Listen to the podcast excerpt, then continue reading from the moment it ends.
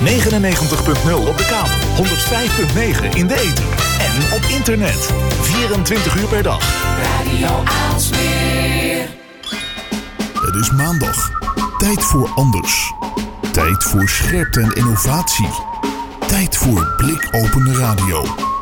Met Puur, Wilg en Lennart. Ja, maar dan zonder puur, want die is er vanavond niet. Welkom bij een nieuwe aflevering van Blikopener Radio. Het is aflevering 35 op eh, 7 oktober 2019. En eh, zoals jullie gewend van ons zijn, is het ook vandaag weer een rijkelijk gevulde, een goed belegde uitzending, om het zo te zeggen. Eh, want vandaag hebben we eh, te gast in de uitzending uh, Gonnie van der Zwaag. Zij is eh, de oprichter en tevens ook de hoofdredacteur van iCulture. En dat is dan weer de grootste Apple-community van Nederland.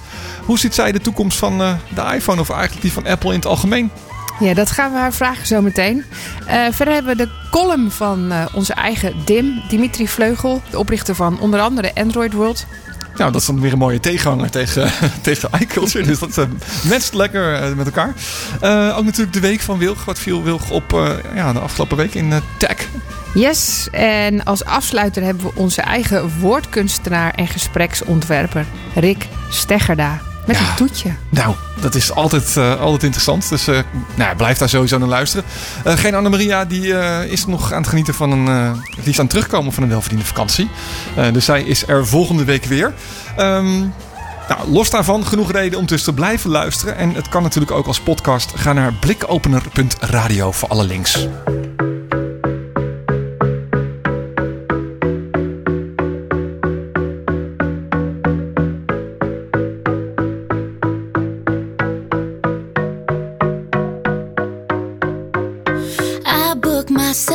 labels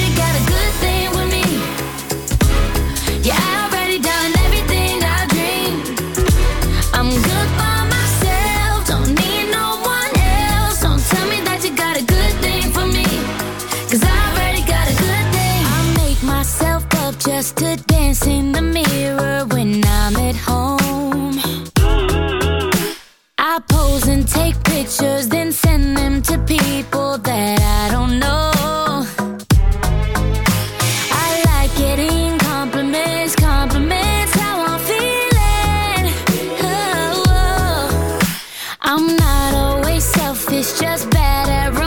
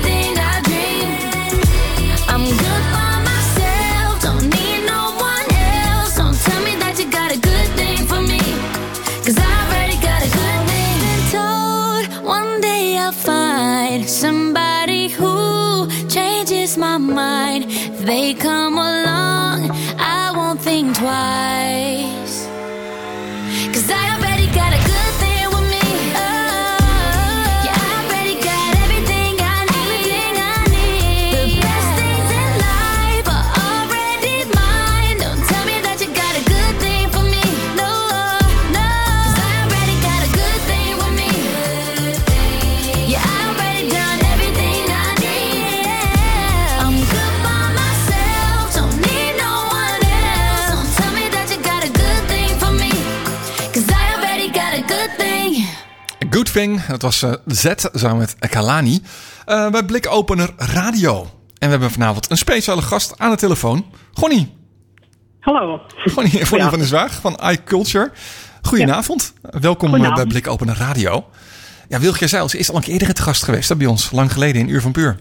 Ja, Ja, dat, is, dat is al even geleden. Dus ik weet niet of, eh, of iedereen zich dat kan eh, herinneren. Eh, iedereen weet natuurlijk wie Ed Gonnie is eh, op Twitter. Maar eh, misschien is het toch nog even leuk eh, als jij vertelt eh, wat, je nou eigenlijk, wat je nou eigenlijk doet. Wie ben je? Wat doe je? Ja. nou, ik eh, ben samen met mijn man heb ik een website over eh, Apple. eh, en Apple producten. En we testen bijvoorbeeld heel veel apps en heel veel eh hardwareproducten, accessoires. Eh, en we doen eh, dagelijks nieuws over, eh, ja, eigenlijk over alles wat met Apple te maken heeft.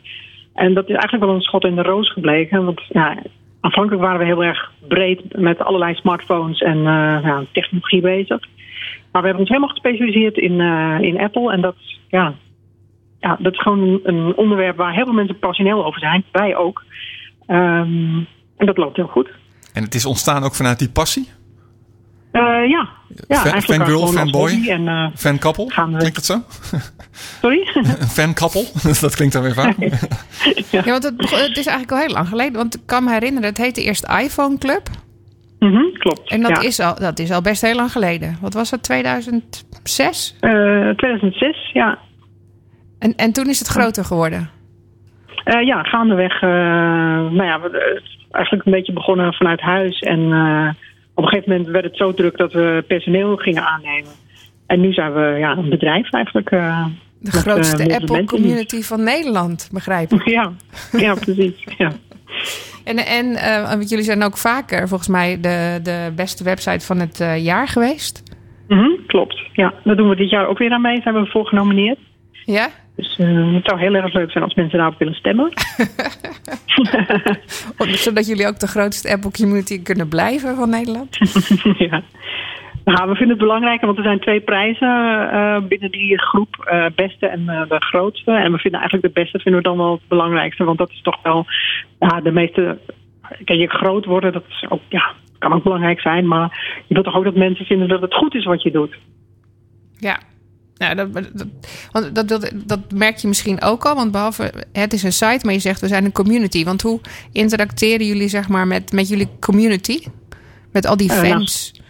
Ja, nou, sociaal eh, doen we echt heel erg veel. We zitten op bijna alle platformen. Nog niet op TikTok, maar de rest eigenlijk wel.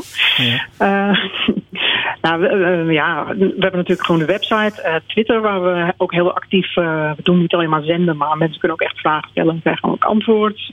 Instagram zitten we dagelijks op. We hebben heel vaak een Instagram story. Ehm, wat heb je nog meer? YouTube zitten we ook op. Nou ja, eigenlijk zijn we overal waar onze lezers zijn.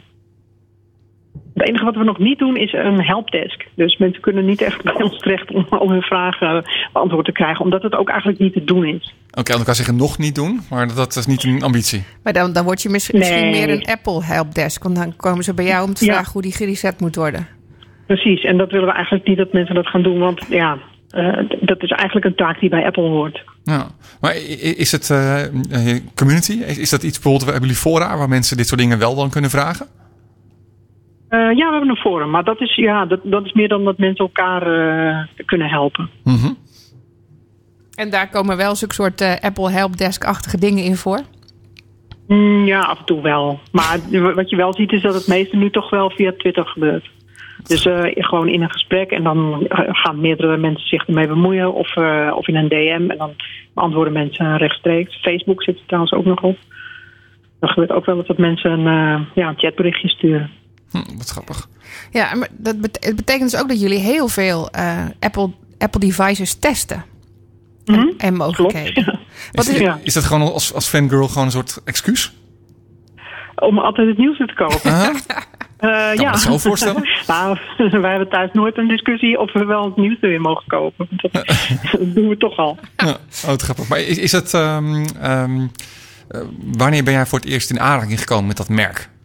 Wat dat maakte dat je, dat je, dat, dat je gesparkt werd zeg maar, om dit eh, te gaan doen? Of toch überhaupt geïnspireerd door raakte? Nou, door Apple, eh, het was eigenlijk al wat eerder, ehm, ja, zo rond 2000 of zo. Dat, ehm, ik had wel eh, vanuit mijn werk toen en mijn studie had ik altijd Windows gebruikt. En op een gegeven moment ehm, eh, konden we een tweedehandse Mac kopen bij de vorige werkgever van Chapeau. En die zijn we gaan ophalen en zijn we gaan gebruiken. En sindsdien, ja, het is begonnen met wat tweedehands producten. En gaandeweg vonden we het zo leuk dat we eigenlijk alleen nog maar eh, ja, bij Apple bleven hangen. Dat is ook wel iets wat je vaak ziet. Hè? Mensen kopen eerst een iPhone en dan denken ze, nou, ik doe toch ook wel een MacBook erbij. En dan nou, gaandeweg, voor je het weet, staat je hele huis vol.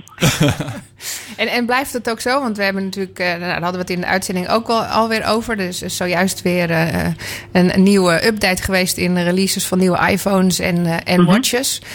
Ik ga, Ja. er, ga er zo van uit dat jullie die ook al getest hebben. Blijf, Mhm. Je blijft, blijft nog steeds fan met iedere update. Eh, ja, ja, want nou ja, je, in ieder geval als Apple iets nieuws uitbrengt, dan weet je in ieder geval dat het een mooi product is en dat er over nagedacht is. Ehm, of ze altijd de eerste zijn met nieuwe dingen, dat is nog wel iets waar natuurlijk de afgelopen tijd best wel over gediscussieerd wordt. Dat Apple niet eh, ja, vernieuwend genoeg is. Of eh, dat je eigenlijk bij andere fabrikanten, bijvoorbeeld zo'n opvouwbare telefoon, daar zijn andere fabrikanten dan weer sneller mee. Ja, dat is een beetje afwachten. Ja. Het is een afweging of je dat wil. Of je wel de eerste wil zijn. En dan blijkt het toch niet zo heel goed te werken. Wat je bij Samsung ziet. Of dat je gewoon ja, liever wacht tot, eh, tot het wat beter werkt. En, en ja, wat, waar ben ik nou benieuwd? Want ik ben het met je eens hoor, met die Samsung. Want wa- die, die Fold, eh, die, die schijnt ook niet zo heel erg waterdicht te zijn. En ze hebben hem uit elkaar gehaald, dat soort dingen. Mhm. Eh, en van Apple verwacht je inmiddels wel een bepaalde kwaliteit. Eh, Mhm. wat, wat is jou- jouw favoriete device nu? Eh, grappig genoeg is dat de Apple Watch. Nou, daar, daar zat ik op, de, op te wachten. Want ik heb volgens mij in jouw Insta-story laatst een fotootje gezien met een hele stapel eh, bandjes. Ja, precies. Ja. ja. En daar Nou, heb, omdat je daar zoveel mee kan doen. Je koopt natuurlijk niet 20 hoesjes of zo. Maar voor je het weet heb je een stuk of 20 eh horlogebandjes bij elkaar gespaard. en, en waarom is die, die watch dan je favoriet? Nou, omdat daar nog eigenlijk best wel veel ontwikkelingen in mogelijk zijn. En ik zie daar ook wel de meeste potentie voor Apple. Want ehm, nou ja, iPhones en eigenlijk smartphones in het algemeen. Je ziet wel wat verbeteringen. Ze worden steeds sneller, er komt meer geheugen in en dat soort dingen. Maar echt de heel erg spannende ontwikkelingen, die zie je daar toch weer niet. Het is een beetje, ja, voor een gedeelte is het uitontwikkeld. En je ziet bij andere fabrikanten ook dat ze echt steeds gekkere dingen moeten doen om mensen enthousiast te maken. En weer een update En- van de camera. Ja. Ja, nou, dat is op zich wel een goede update. Maar ja, weet je, als je nu nog een goed toestel hebt, eh, ga je dan meteen naar de winkel voor zo'n nog betere? Nou, ik wel, maar ik kan me zo voorstellen als je, eh, ja, als je gewoon een doorsnee gebruiker bent, dat je dat niet zo snel doet. En bij de Apple Watch heb je, vind ik, kan Apple nog zoveel extra dingen doen. Ook op het gebied van gezondheidszorg bijvoorbeeld. En er is gewoon veel meer groei mogelijk. Ja, ja, je hebt hem elke dag om ook. Ja, En je hebt nu de nieuwste, neem ik aan. Eh, ja, ik heb wel een jaartje overgeslagen deze keer, maar ik heb nu inderdaad weer de nieuwste. En ik probeer ook, eh, je hebt zo'n activiteiten-app erop en ik probeer dan elke keer de ringen vol te maken. Dus je moet eh, twaalf keer per dag eh, moet je gaan staan en je moet eh 30 minuten sporten en dat soort dingen. Dat probeer ik wel eh, nou, een beetje ook gezond eh, te blijven. Dus zitten hier in deze update nou nog dingen in dat je zegt van nou, dat is echt wel de moeite waard. Want ik, ik, ik zie heel veel mensen om me heen die hem dan bijvoorbeeld een van de eerste gekocht hebben. En toen Mhm. heel lang niet. En nu eigenlijk twijfelen nu die nieuwe is. Van zal ik het dan nu toch weer wel doen? Ja, Want hij- maar als je eentje van de allereerste generatie hebt, dan is het nu wel tijd om te updaten, omdat hij ook geen, eh, geen upgrades meer krijgt. Of eh, updates, sorry. Ehm, ja, en dan heb je allerlei functies die je dan in de loop van de jaren gemist hebt. Eh ECG-functie is bijvoorbeeld wel grappig, dus dat je zo'n soort hartfilmpje kunt maken. Maar is natuurlijk ook weer niet noodzakelijk om te hebben. Bedoel, je kan het een keer proberen bij, op de Apple Watch van iemand anders. Maar je gaat het natuurlijk niet elke dag doen, tenzij je hartproblemen hebt. Ehm, en nu zit er bijvoorbeeld in de nieuwste versie zit een always on screen. Dus dat het scherm altijd aanblijft. Is op zich wel handig. Zodat je niet eh, heel erg. Als je bijvoorbeeld in een afspraak zit, eh, dan is het wel heel erg handig dat je zo even kunt gluren hoe laat het is. Zonder dat je echt je pols op moet tillen. En dat mensen dan gaan zeggen van oh, moet je weg? Weet je, dat soms vervelend zijn. Ja, maar het het zijn allemaal van die kleine verbeteringen. voelt meer als een echt horloge nu. Ja, Ja, ja. Ik kan me voorstellen dat als je één zegt van nou, eh, we moeten natuurlijk goed in de gaten houden wat, er, eh, wat zo'n fabrikant doet. Maar dus ook eigenlijk wat de rest van de markt doet. Hey, is het, is Ja. het zo, is je een Mhm. deel van jullie huiswerk ook dat je dus in de gaten houdt wat eh, de andere fabrikanten, eh, de Samsungs, de Huawei's, et cetera, eh, wat die doen? Want er zijn Ja, natuurlijk even voor in het kader Mhm. van publieke radio en reclame en zo. Er zijn natuurlijk veel meer fabrikanten dan Apple die eh, prachtige producten maken. En dat Ja. gezegd hebbende. Maar eh, hoe doe je dat? Hoe blijf je op de hoogte van de, van de ontwikkelingen in de markt in het algemeen? Nou, eigenlijk eh, via collega-sites, dus die eigenlijk hetzelfde doen. In Nederland heb je bijvoorbeeld Android World. Nou, daar, als ik iets over Android wil weten, of kijken wat er speelt bijvoorbeeld. Komt binnenkort komt de Google Pixel 4 eraan. Dat is een, ja, een beetje de tegenhanger van de nieuwe iPhones. Die schijnt heel erg een goede camera te krijgen. Daar ben ik natuurlijk wel benieuwd hoe dat, eh, ja, eh, hoe dat zich verhoudt tot wat Apple doet. Ja, en onze columnist eh, Dimitri Vleugel, oprichter onder andere van Android World. Die, eh, Ja. nou, die is zo meteen bij ons in de uitzending ook weer. Dus eh, als, eh, met zijn column. Dus ik ben benieuwd wat hij Mhm. daar, eh, daar nog over zegt. Maar als jij naar dat soort dingen kijkt, dan kijk je het altijd naar eh, met, met een, een soort eh, vergelijking met Apple blik naar. Ja, eigenlijk wel, ja. ja. En, en En, testen ja. jullie die telefoons dan zelf ook om ze naast elkaar te kunnen leggen? Of, of, of kijk je dan echt naar wat andere eh, sites daarover zeggen? Nou, heel af en toe doen we het inderdaad ook wel zelf. En vooral bij smartwatches vind ik dat leuk om te doen. Bijvoorbeeld eh, wat Fitbit eh, maakt en ook wat andere ja, meer sportmerken doen. Ehm, maar smartphones, ik heb het al heel vaak geprobeerd met Android, maar het is gewoon geen goede match. Ook omdat ik gewoon zo gewend Met ben hoe het bij aan Apple werkt. Ja. Ja, net zoals dat, dat als je Android gewend bent, dat iOS misschien heel erg apart is. Mhm. Ja. Eh, en waar, ehm, want ja, je vergelijkt dan die telefoons van die andere aanbieders. Maar bij, bij Apple is het, is het natuurlijk echt heel sterk een soort ecosysteem van hun devices. En, en daar- Mhm. daarom zijn ze denk ik ook nou ja, echt zo'n community. Want als je eenmaal één of twee van die dingen hebt, dan, dan, nou ja, dan lijkt het logischer om al die apparaten in, in de, da- daarin te hangen. Ehm, hoe, hoe, zie, hoe zie jij dat? Want ik, ik vond bijvoorbeeld bij, de, bij vorig jaar dat het leek alsof eh, nou ja, er, er minder aandacht besteed wordt, werd aan de, aan de laptop, aan de, aan de, aan de MacBookjes. Ehm, wat, vond, wat vond je dit jaar eh, daar anders aan? Dus heb jij daar een, een, zeg maar een kijk op van, nou ja, wat, wat vindt Apple belangrijk in zijn ecosysteem? Waar, waar, waar richten ze zich nu heel erg sterk op? Nou, wat je nu heel erg eh, merkt, en dat is een, eigenlijk iets wat al vorig jaar een beetje is begonnen, is dat ehm, de eh, professionele gebruikers eh, zich een beetje achtergesteld voelen. En dat Apple daar nu heel erg mee bezig is om daar iets voor te maken. We gaan nu bijvoorbeeld een Mac Pro uitbrengen. En, Nou, ik weet niet hoe lang, 2013 was volgens mij de laatste. Ehm, en er was op een gegeven moment was het. Kijk, Apple is ooit ontstaan, ehm, of tenminste groot geworden door de, de- ja, creatieve professionals, dus fotografen, eh, grafische industrie. En het is daarna steeds meer een ja, merk van het volk geworden, of heel erg mainstream. Ehm, en de groep professionele gebruikers voelde zich een beetje aan de kant gezet. En elke keer dat er een nieuw MacBook uitkwam, dan had hij eigenlijk weer net niet de goede specs om het echt ja, voor serieus werk te gaan gebruiken. En daar probeert het Apple nu. eh, ja, vorig jaar hebben ze een, ehm, een Pro-model uitgebracht en dit jaar eh, weer. En daar proberen ze wat meer op in te spelen. En tegelijk proberen ze natuurlijk ook eh, die hele grote groep gebruikers eh, tevreden te houden. Het is een enorm bedrijf gewoon. En bizar dat al die balkjes hoog houden en dat het op die manier gaat natuurlijk gewoon. Wat, wat, wat, eh, hoe, hoe zie je de toekomst van Apple? Als je, nou, als je daar kritisch, kritisch naar kijkt gewoon. Nou, ik heb wel op een gegeven moment gedacht van ze doen een beetje te veel. En nu bijvoorbeeld ook met de tv-dienst waar ze mee bezig zijn. ehm eh, game-dienst. Nou, game-dienst snap ik dan nog wel een beetje. Dat past wel een beetje in het straatje. Maar ja, ik weet niet of Apple met al dat geld wat ze hebben... of het wel gaat lukken om zo'n partij als eh, Netflix... om dan een soortgelijk aanbod te gaan bieden. Je kan wel heel erg veel ja, films en series laten maken... maar mensen moeten ook gewoon de tijd hebben om het allemaal te gaan kijken. En dan... Ja, denk ik dat je nog eerder naar Netflix gaat kijken dan dat je weer een abonnement erbij neemt. Ja, dat is wel lastig. En aan de andere kant doen ze... Hè, wat, wat zou de reden zijn dat ze het wel doen? Dat, dat, dat ze dit juist op die manier doen? Is dat binding met hun apparaten, het eh, nog meer integreren? Is dat het idee?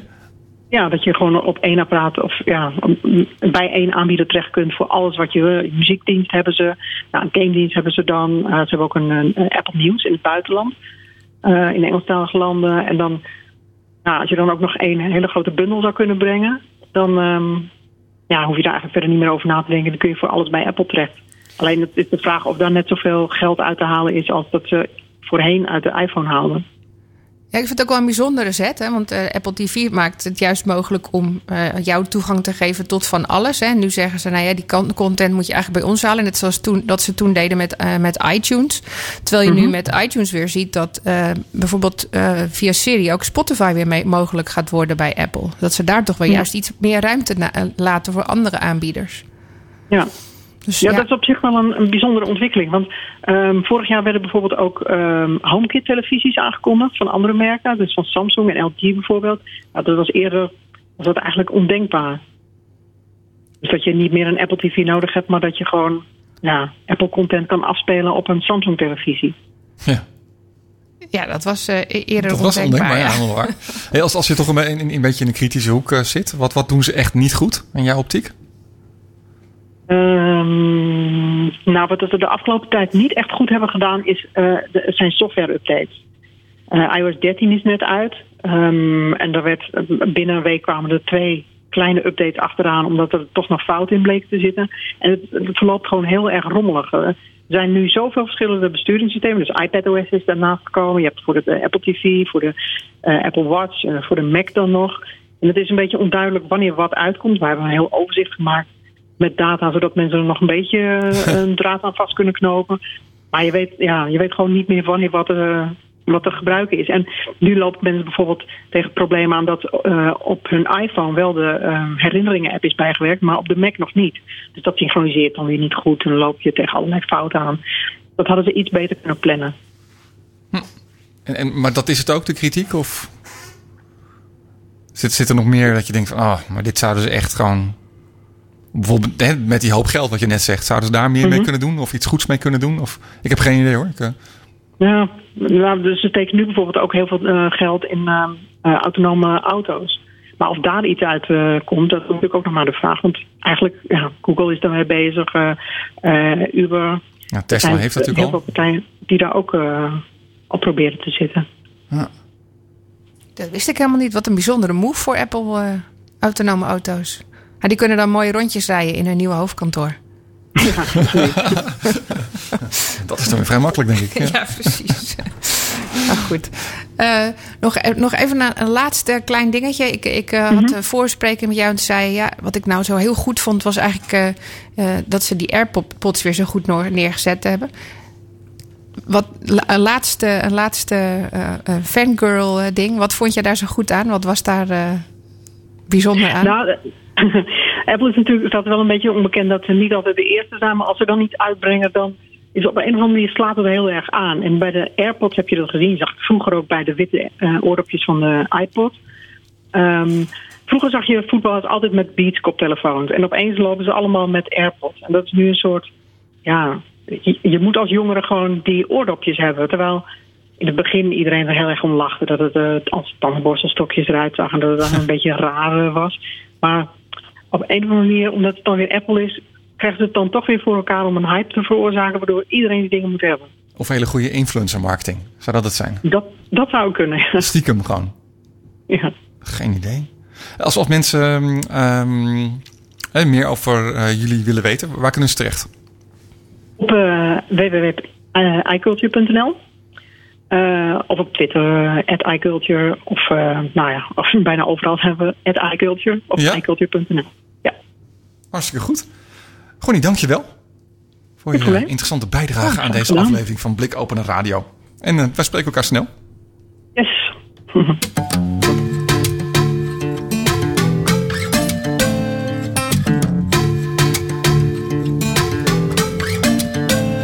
She got the brown eyes, caramel thighs, long hair, no wedding ring.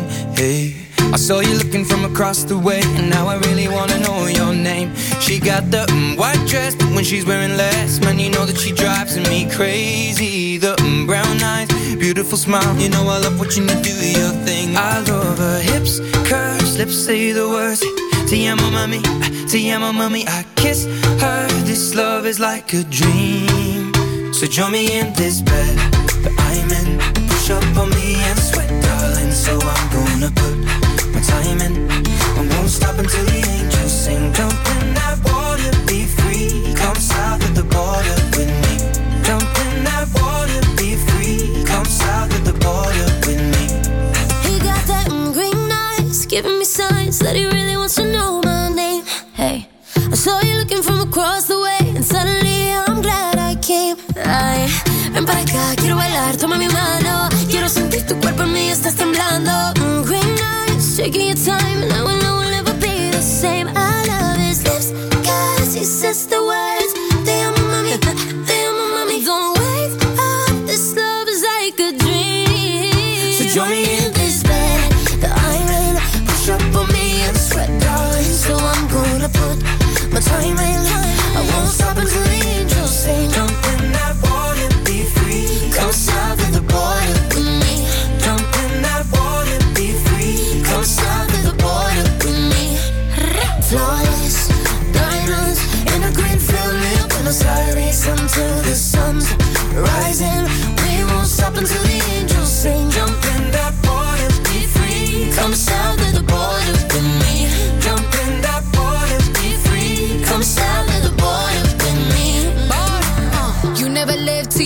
your life. You wanna shine, you gotta get more eyes. Am I your lover or I'm just your vice? A little crazy, but I'm just your type. You want the lips and the curves, need the whips and the furs and the diamonds I prefer. In my closet, his and hers. Hey, he want the little mama cedar margarita. I think the egg got a little jungle fever. Hey, you want more than, you want more than something boring. Legs up and tongue out, Michael Jordan. Uh, go exploring, something foreign. Bust it open, rainforest like you need me, rub me like a genie. Pull up to my spot in Lamborghini, cause you gotta see me, never leave me. You got a girl that could finally do it all. Drop an album, drop a baby, but I never drop a ball. Uh. Push up for me and sweat, darling. So I'm gonna put my time in. I won't stop until the angels sing. Jump in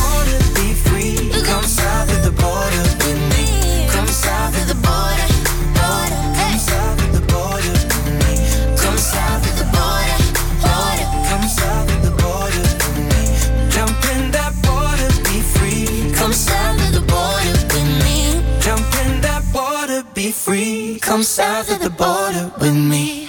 Ed Sheeran met eh, Camilla Cabello en eh, Cardi B. South of the Border. Nou, en, zuidelijk van onze grens is eh, Rotterdam. En daar eh, uit die omgeving komt Dimitri Vleugel. Dimitri, goedenavond. Ja, goedenavond. Ik stond gewoon te twerken man op dat nummer. Te Dat twerken? Heel goed. Oeh. Ja. nou, het is maar goed dat het de geen tv is. die vond het heel raar, maar die is ook al 76, dus die snapt dat niet. Wat goed. Nou, na, na al het eh, Apple-geweld eh, in het eerste deel eh, natuurlijk ook. Apple geweld, was Gonnie? Was Gonnie er? De gewoon was er, ja zeker. Oh, dat is mijn, iedereen denkt dat dat mijn nemesis is, dat mijn aardsvijand dat is, hè? Ja, geloof ik niet. hij van Apple is en ik van Android, maar wij zijn hele goede vrienden. Nou, wat leuk. Ja, we zijn echt hele goede vrienden. We hebben eh, al heel veel avonturen beleefd, dus echt heel erg. Gonnie en Jean-Paul zijn echt hele fijne mensen van iCulture, dus dat, eh, dat staat buiten kijf. Dimitri die start ook wel eens in, eh, in eh, een van de, de filmpjes daar bij iCulture volgens mij. Of van Gonnie in ieder geval. Ja, van Gonnie. En wij hebben ehm, eh, heel vroeger, toen Android net begon, eh, zijn zij ook een Android-website begonnen. En toen hebben Gonnie en ik hebben een soort eva evangelaat, evangelatietour, zeg het zo? Zo goed?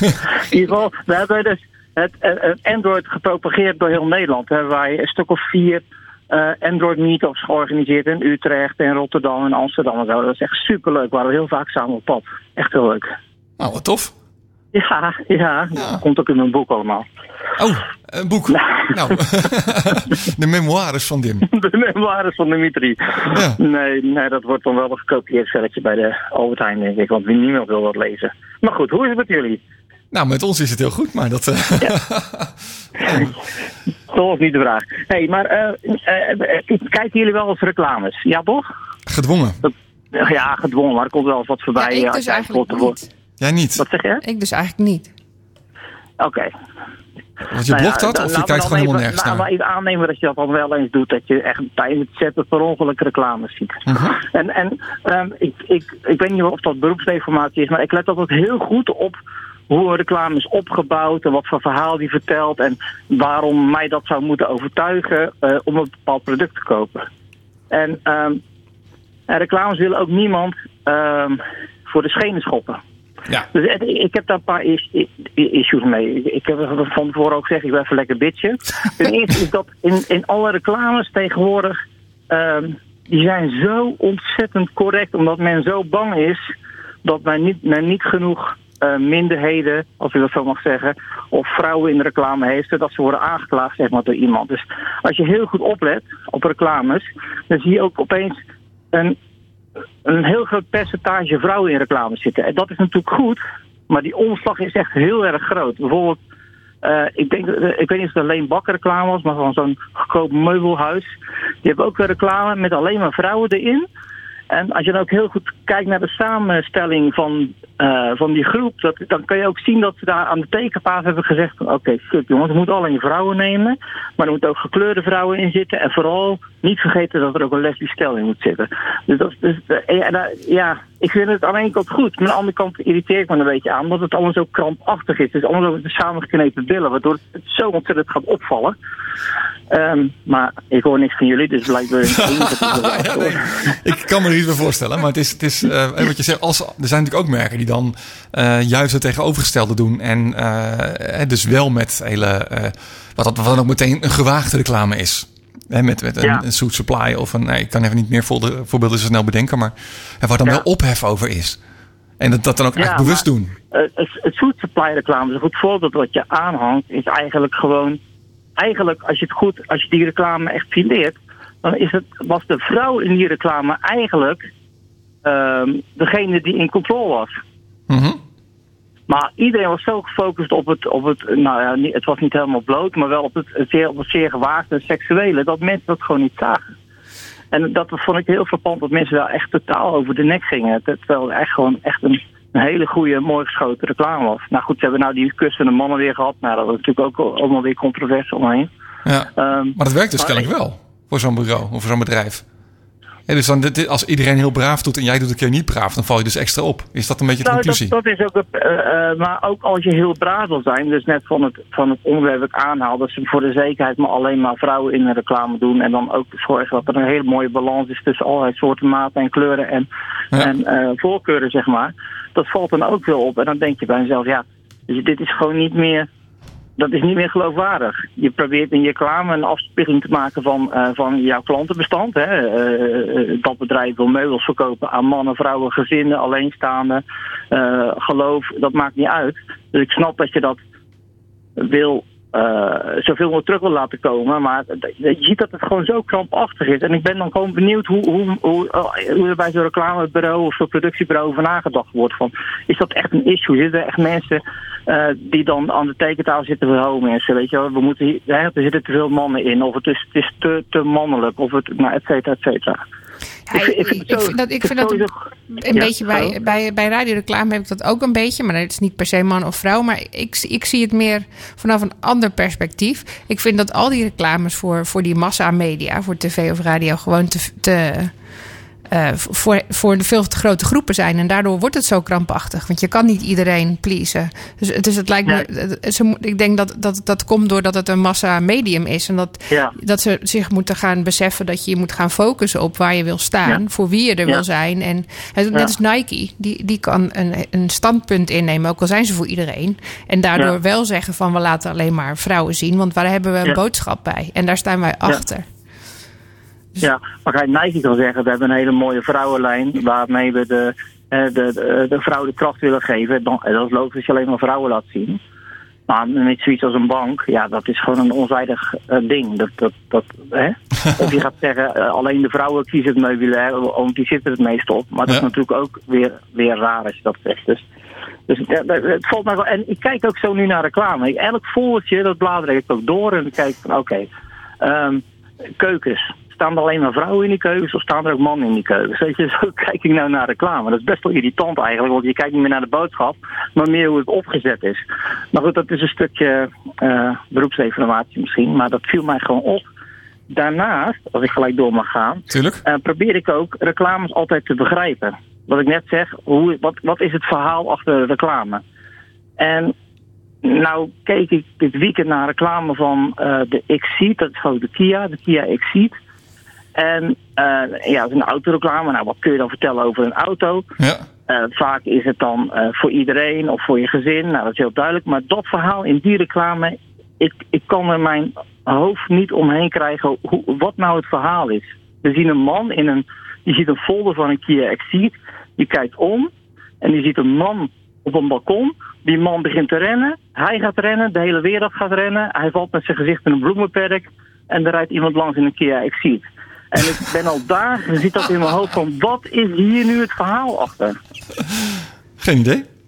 Nee, maar ik ben zo benieuwd hoe dat, hoe dat dan werkt. Misschien een Koreaans Kijk, eh, reclamebureau. Dat zou het kunnen zijn. Ja, nou ja, goed, eh, ze willen iets vertellen, maar wat? Dan is je, je, je reclame toch ontzettend gefaald als een sympathie als Dimitri Vleugel en nog, nog niet eens begrijpt. Dan is het gewoon niet goed. Nee. Kijk, we, we weten allemaal dat wasmiddelreclame, daar zitten nog steeds alleen maar vrouwen in, in bloemetjesjurken met twee kleine kindertjes. Omdat nog steeds blijkt uit AB-testen dat die reclames gewoon voor meer verkoop zorgen dan andere meer, meer zeg maar man-vrouw reclames. Wat ook eigenlijk wel heel erg opvallend is. Maar ik, ik kon het er hoofd niet omheen krijgen. En ik, ik, dat is echt een ding van mij. Van ja, weet je, je mag wel reclame maken, maar besteed dan ook aandacht aan het verhaal. En overtuig me dan met dat verhaal dat ik jouw product moet kopen of leuk vind. Maar goed, jullie hebben de reclame niet gezien. Dus ja, ik kan jullie niet overtuigen dat het een rotreclame is. We hebben er weinig aan gemist, als ik het zo hoor. Nee, maar het vraag aan jullie. Wat is jullie meest, wat, wat vinden jullie de meest irritante reclame die je de afgelopen tijd hebt gezien op televisie? Ehm, ja, niet heel politiek correct om dit te zeggen, maar Stichting Dierenleed kan ik echt niet tegen. Die duren te Nee. lang en die zijn er te vaak. En dan denk ik, de reclamezendtijd is te goedkoop. Ja. En dat irriteert me mateloos dan. Ja, ja ik heb er drie. Ik heb er drie. Ja. En jij? Ja, ik, ik, ik kijk dus geen tv. Ik heb, al, ik heb geen tv eh, Nee. thuis, alleen Nee, maar eh, streamingdiensten. Eh, Oké. Dus de enige reclames die ik zie zitten voor, voor YouTube-filmpjes en tussen Instagram-stories in. Nou, dan mag, dan mag jij even niet meespelen. Nee. Ehm, nee, maar ik heb er drie. Ik heb eh eh B-kam reclame. De, nou ja, die heb je dus niet gezien, maar dan zie je twee eh, soort gelegenheidsacteurs in de bouw, waarvan de een zegt, hé, hey, ik heb mijn lening overgesloten bij de B-kam. Waarbij de ander zegt, bij wie? Bij B-kam. Oh, bij B-kam. Dat is zo'n slechte reclame. Dat echt mijn tenen... Tenen krommend. Ja, Nou, echt de springen eruit. ja, de tweede is de reclame van Kika, wat natuurlijk een goed doel is. En dat snap ik best wel dat die geen geld hebben. Maar die hebben nog steeds een of andere goede tijd, slechte tijden acteur erin zitten. En die reclame is echt al zes jaar op de televisie. En die mag ook wel vernieuwd worden, alleen daar heb ik al begrip voor. En hebben jullie die Swissfund eh, reclame wel eens gezien? Over dat geldleenbedrijf. Nee. Op dat podium dat ze aan het dansen zijn, een soort opera, eh, musical zingen dan. Oké, die, is ook zo ontzettend slecht. Dat, is, dat, dat, raakt nog kan nog wal. En er zit een of andere eh, bariton in die zingt van geld lenen kost geld. Het gaat echt helemaal nergens op. En dan gaan we, ons- gaan echt de schoenen naar de televisie als we dat zien. Maar goed, dit was eigenlijk mijn eh, ergernis eh, van, eh, van de maandag. Lucht het op? Ja, ik vind het heerlijk om over te praten. Echt. Jammer dat jullie dat dan weer niet, jullie niet mee kunnen praten. is, dat maar- niet, is dat niet ook daarom? Dat, juist omdat ik niet mee kan praten en het misschien helemaal niet meer zo'n massa-medium als dat het was, dat, dat er wat gerichter nagedacht moet gaan worden? Is, is dat- ja, het jammer van televisie is natuurlijk, wat jij net zegt, is dat je niet kunt segmenteren. En Ja. Dat kan met, met, met profielen op internet wel. Je kan, eh, nou, steeds minder, maar je kan in principe wel ongeveer weten wie er naar jouw reclame kijkt. Dus je kan hem, je kan, eh, ze kunnen andere reclames aan mij uitserveren dan aan jou. Dat is, dat is mogelijk, waardoor Ja. je kunt segmenteren. Eh, dat kan op televisie natuurlijk niet, of nog niet. Wie weet dat dat ooit wel kan. Ja, op Eh, digitale nou, televisie wel, denk ik. Een hele ja. groep proberen te pleasen. Ja. Wat zei je? Ja, op digitale televisie waarschijnlijk wel, maar inderdaad op normale Ja. televisie niet. Eh, Ja. Dat is waar. Maar Hm. is dat dan ook niet een voordeel van dat, dat er toch een profiel is? Dat jij de reclames die je zit, die dan ook echt op jou van toepassing zijn? Dat ik bijvoorbeeld geen, eh weet ik veel, uh, reclame krijg. Nou, dat zou ik wel, eens wel- zijn wel weer goed. Dan kom je tenminste een beetje uit je bubbel. Want die bestaan gewoon, die dingen. Goed. Nee, ik denk dat, maar, maar ik snap je wel een beetje. Ik vind het, Ja. ik vind het wel interessant. Ik denk dat bedrijven ook veel meer moeten gaan staan voor wat zij zijn. Nou ja, dat, daar hebben we het een tijdje geleden ook wel eens over gehad. eh, toen ik bij jullie eh, mocht komen. Is van eh, branding is belangrijk, maar ook dat een bedrijf iets uitdraagt, of er een mening over heeft of, of iets steunt. Weet je, dat je dat een bedrijf al zegt van oké, hier staan wij voor. En het moet natuurlijk niet een al te eh, sterk standpunt zijn, anders ga je echt hard segmenteren. Maar wat mij toen gedaan heeft met die Copernici, eh dat is natuurlijk, ja, dat is natuurlijk wel een, een goed ding. Ja. En dan niet zoals met de, met de Pride Week, dat iedereen opeens een regenboog eh, heeft en, en reclame Niks meer maakt met regenboog. En dan Ja. twee weken later zijn ze het compleet vergeten. Ik bedoel, Ja. dat moet je wel uit blijven dragen. Ja. Helemaal eens. Hey Dim, als mensen jou willen volgen, hoe doen ze dat? Uh, Dim op Twitter of uh, Dim underscore NL op Instagram. Hartstikke bedankt. En nog weer leuk.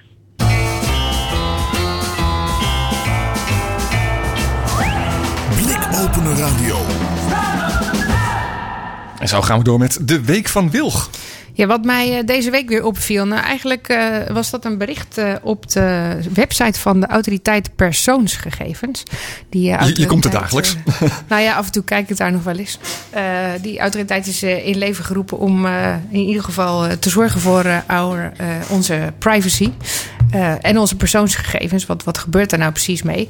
Um, en die kondigen nu aan dat ze een, een onderzoek zijn gestart. omdat er heel veel ja, slimme gemeentes, slimme steden in opkomst zijn. Hè? Dus er zijn steden zoals Amsterdam die zeggen van nou weet je, wij willen dat, dat onze steden slimmer worden. En dat we met behulp van sensoren en, en, en, en andere apparaten eens gaan kijken of we gezonder en, en beter met elkaar kunnen samenleven. Dus waar is het nou precies vies? Waar rijden nou heel veel auto's?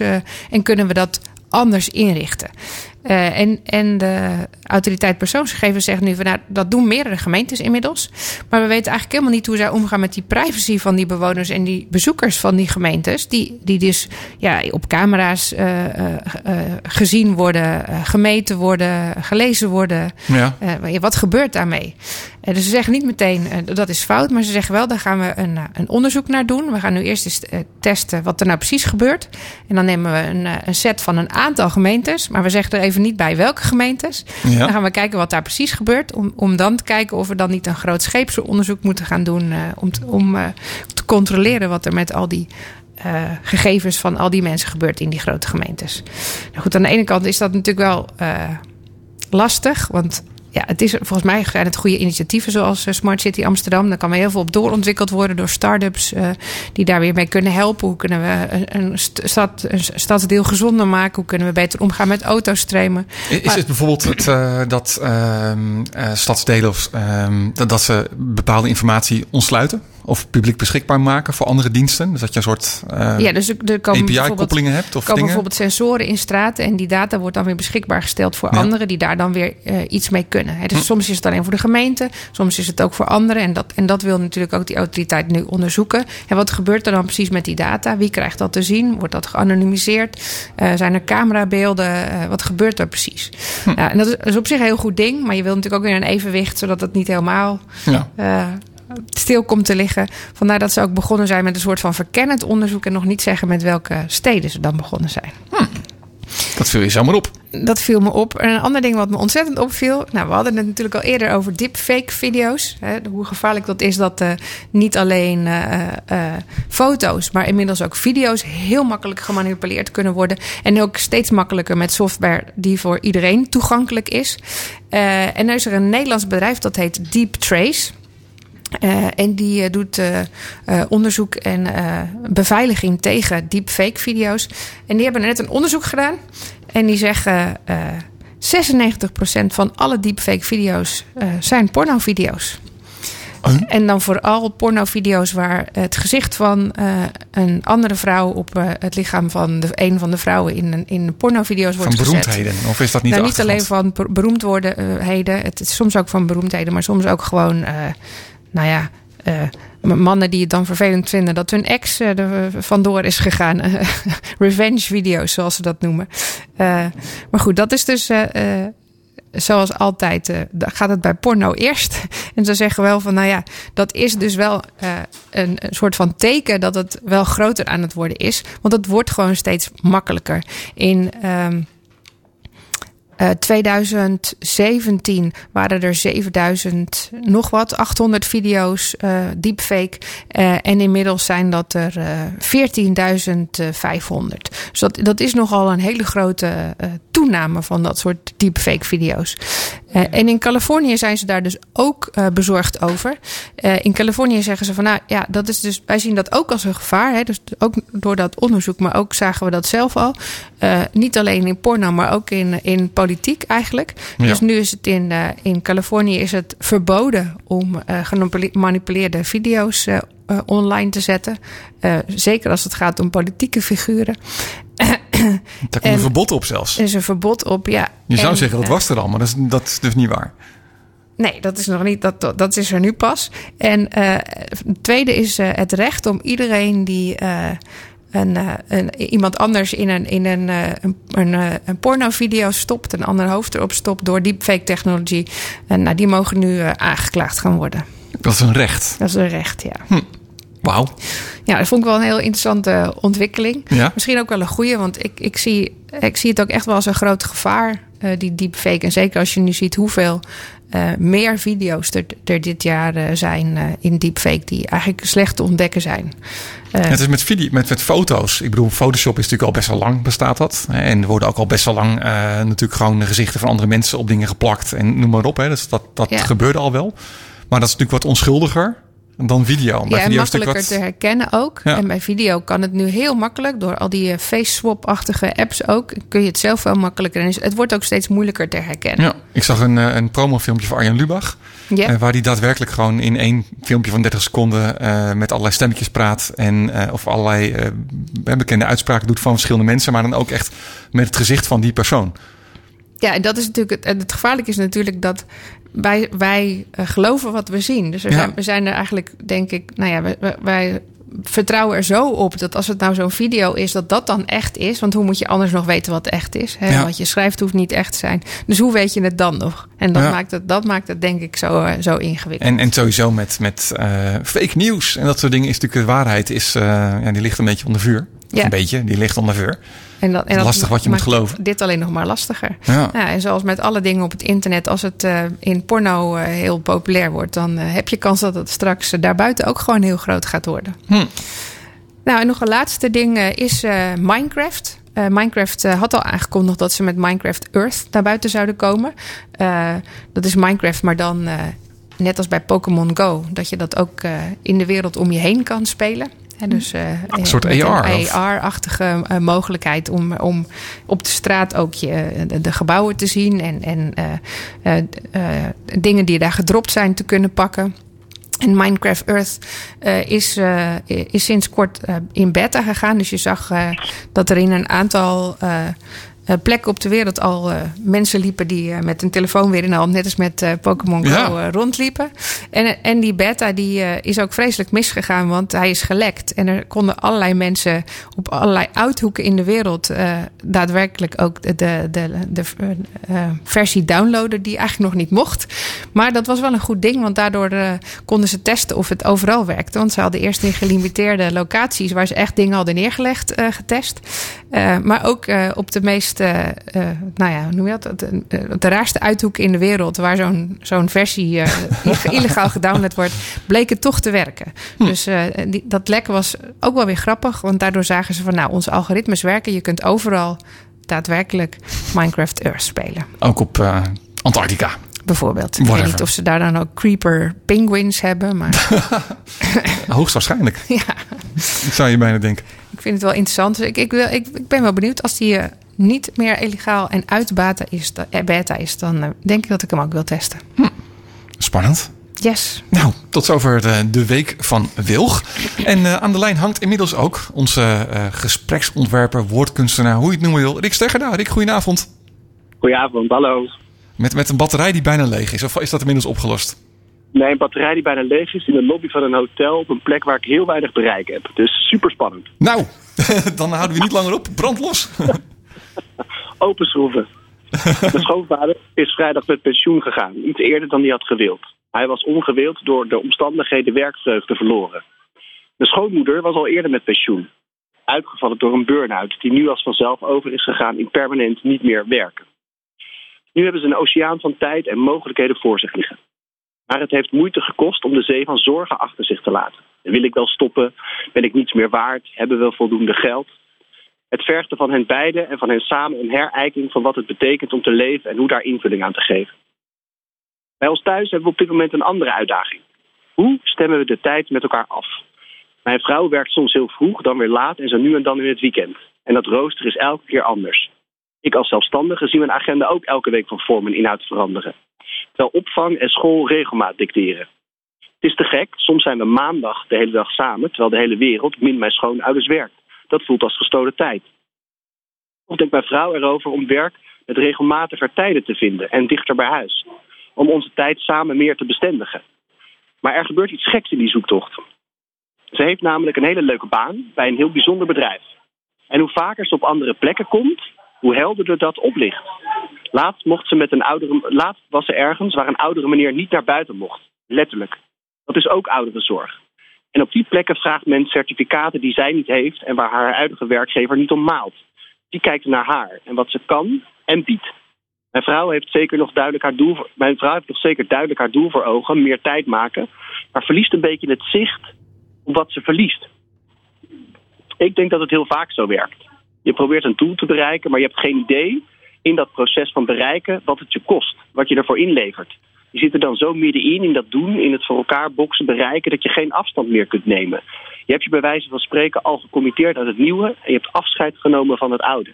Dan is het moeilijk om op je schreden terug te keren. Dat lukt bijna niet alleen, dan heb je een ander nodig. Ik zag bij mijn schoonouders dat het allemaal maar gebeurde, het leven. In die complexiteit hielden ze elkaar liefdevol vast, maar ze stonden in het oog van de storm. Ze konden er niet meer naar kijken, omgeven door het voortrazende. Ze bleven op een bepaalde manier in het oude hangen. Konden de mogelijkheden van het nieuwe, van het niet werken en alles wat dat biedt, niet omarmen. En ook dat ons gebeurt ons zo vaak. Je zit er zo middenin dat er, een ander, dat er geen andere toekomst mogelijk lijkt. Die kreet, wees in het nu, je kunt er kriebel van krijgen, dat snap ik helemaal. Maar wat nu als je het hoort als afstand nemen van waar je nu middenin zit? Het waarderen van wat je hebt, zodat je weet of je door wil schakelen naar iets anders. Of dat waar je eigenlijk bent prima is, ondanks dat de wereld lijkt te vragen of je verder wil gaan. En als je dat niet kan, organiseer een blikopener. Dat is een ander die je blikje openschroeft, zodat er weer fris warm licht naar binnen kan kieren. Die is jouw kritische blikopener. En wanneer heb je die voor het laatst gesproken? Misschien is het tijd om zo even te bellen. Mooi weer, Rick. Dank je. Ja, nou, het is ook helemaal waar, denk ik. En, en, twee kanten. eh, blikopener, en mijn blikopener, oeh, dat is een goeie. Ehm, ik denk familie, toch wel. Mensen die dicht bij me staan. Die ook wel kritisch kunnen zijn, maar ik vind het wel een lastige vraag. Ja, ik vind hem wel leuk, want dit is, wat, dit is zakelijk wat wij zeg maar eh, een tijdje geleden herkend hebben. En waar we onze start-ups ook altijd voor waarschuwen. Want als start-up ben je eigenlijk aan het zoeken en, en constant aan het veranderen om, om iets, iets te zoeken wat werkt. En hebben wij gezegd, je moet, je moet eigenlijk is de truc dat je steeds moet uitzoomen naar wat er nou daadwerkelijk aan de hand is. Voordat je weer kan inzoomen naar dat boksen van, van elke dag. En dat kan je nooit alleen. Dus als start-up heb je altijd een, een mentor nodig die je daar steeds even boven kan laten hangen om, om die helikopterview te geven. En eh, toen hebben we ook gezegd, zakelijk hebben wij dus ook altijd iemand nodig die, die daarmee kan helpen. Eh, dus wij hebben daadwerkelijk ook een zakelijke eh, mentor. Omdat wij Ja, vinden super. dat we dat niet alleen kunnen.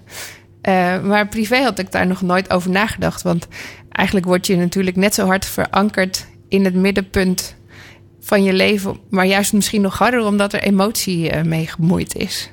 Ja, precies. Dus dat is natuurlijk het allermoeilijkste. Dat er iemand is die kritisch kan zijn of eerlijk kan zijn zonder dat het pijn doet of eh, zonder dat je je geraakt voelt of zo. Dus ja. En wie zou je daarvoor vragen, denk je? Nou, ik denk dat je daar verschillende mensen bij nodig hebt. Ja. Ja, dus ik denk dat ik dat. dat, ik, dat ik, ik heb sowieso altijd mijn moeder. Die kijkt altijd een soort van. Heeft altijd een helikopterblik. Die zegt altijd gewoon van de buitenkant wat ze vindt. eh, zoals, zoals, de boel, zoals ze alles ziet. Zonder daar een emotioneel oordeel over te vellen. Eh, en ik denk dat dat belangrijker is. Zodat je je eigen eh, oordeel weer goed kan krijgen. Dan dat het, dat het een emotioneel iemand moet zijn. Die zegt van ja, maar ik vind dit. Of ik voel dit. Of, Ja. En mijn vader heeft dat, die heeft onverdeelde aandacht. Dat is ook heel mooi. oh, ja. Dus die- die- Mijn Ja? dat is, dat is prachtig. Dat is de mooiste eigenschap eh, die, eh, nou, die in zo'n man kan hebben, denk ik. Dat, dat is prachtig. Dus die heeft volle aandacht. En daardoor ehm, nou, heb je misschien zo, komt er vanzelf zelfreflectie uit of zo. Ik weet niet hoe ik dat En moet dan kun je naar jezelf luisteren. Ja, precies. Ja, maar het, het helpt natuurlijk ook in de situatie waar je zit. Dus als je, ik, ik weet niet, automatisch als er dan iets gebeurt wat jij een keer mee hebt gemaakt, is het makkelijker om diegene die dat misschien een keer heeft meegemaakt in, en, nu, en daar nu zonder emotie naar kan kijken, eh, te vragen eh, waar jij dan nu wel met emotie in zit eh, van de buitenkant, dan, dan dat het is als iemand daar dat niet mee heeft gemaakt. Volgens, volgens mij moet je dat per keer uitzoeken.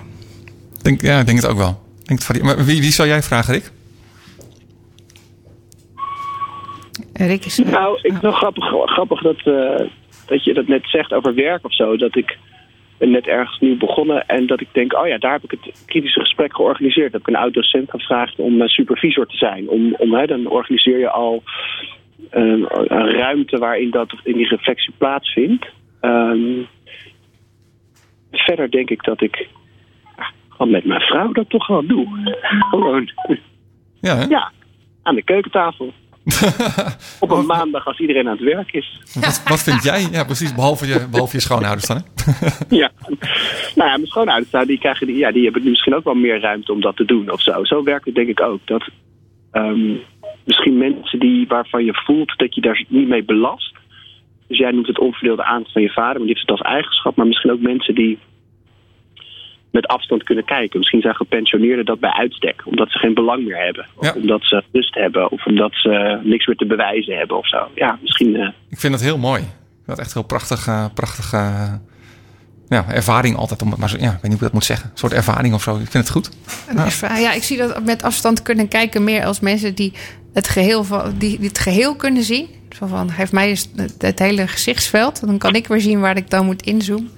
Maar misschien is het ook wel dat ze dan dat geheel kunnen overzien... omdat ze de tijd hebben om, om te luisteren wat dat geheel dan is van jou. Ja. ja, Ja, mensen met, een, met een langere aandachtspannen, dat is, eh, dat is bijzonder deze tijd, hè? Ja, nou, daarom is Blik Open Radio zo bijzonder, toch? Nou, helemaal eens. Nou, dan is het met een cirkeltje, lange tijdspannen. het cirkeltje weer rond. Rick, mogen we je hartelijk bedanken voor je bijdrage vanavond weer. Nou, Eh, als mensen jou willen volgen, hoe doen ze dat? eh, nou riksteggerda.nl of at de gespreksontwerper. Hartstikke mooi. Rick, dankjewel. En daarmee komt er ook een eind aan deze aflevering van Blikopener Radio. Volgende week alweer aflevering 36. Eh, luister ook dan weer, want we hebben weer een bijzondere leuke gast. Eh, bedankt voor het luisteren vandaag. En eh, fijne week.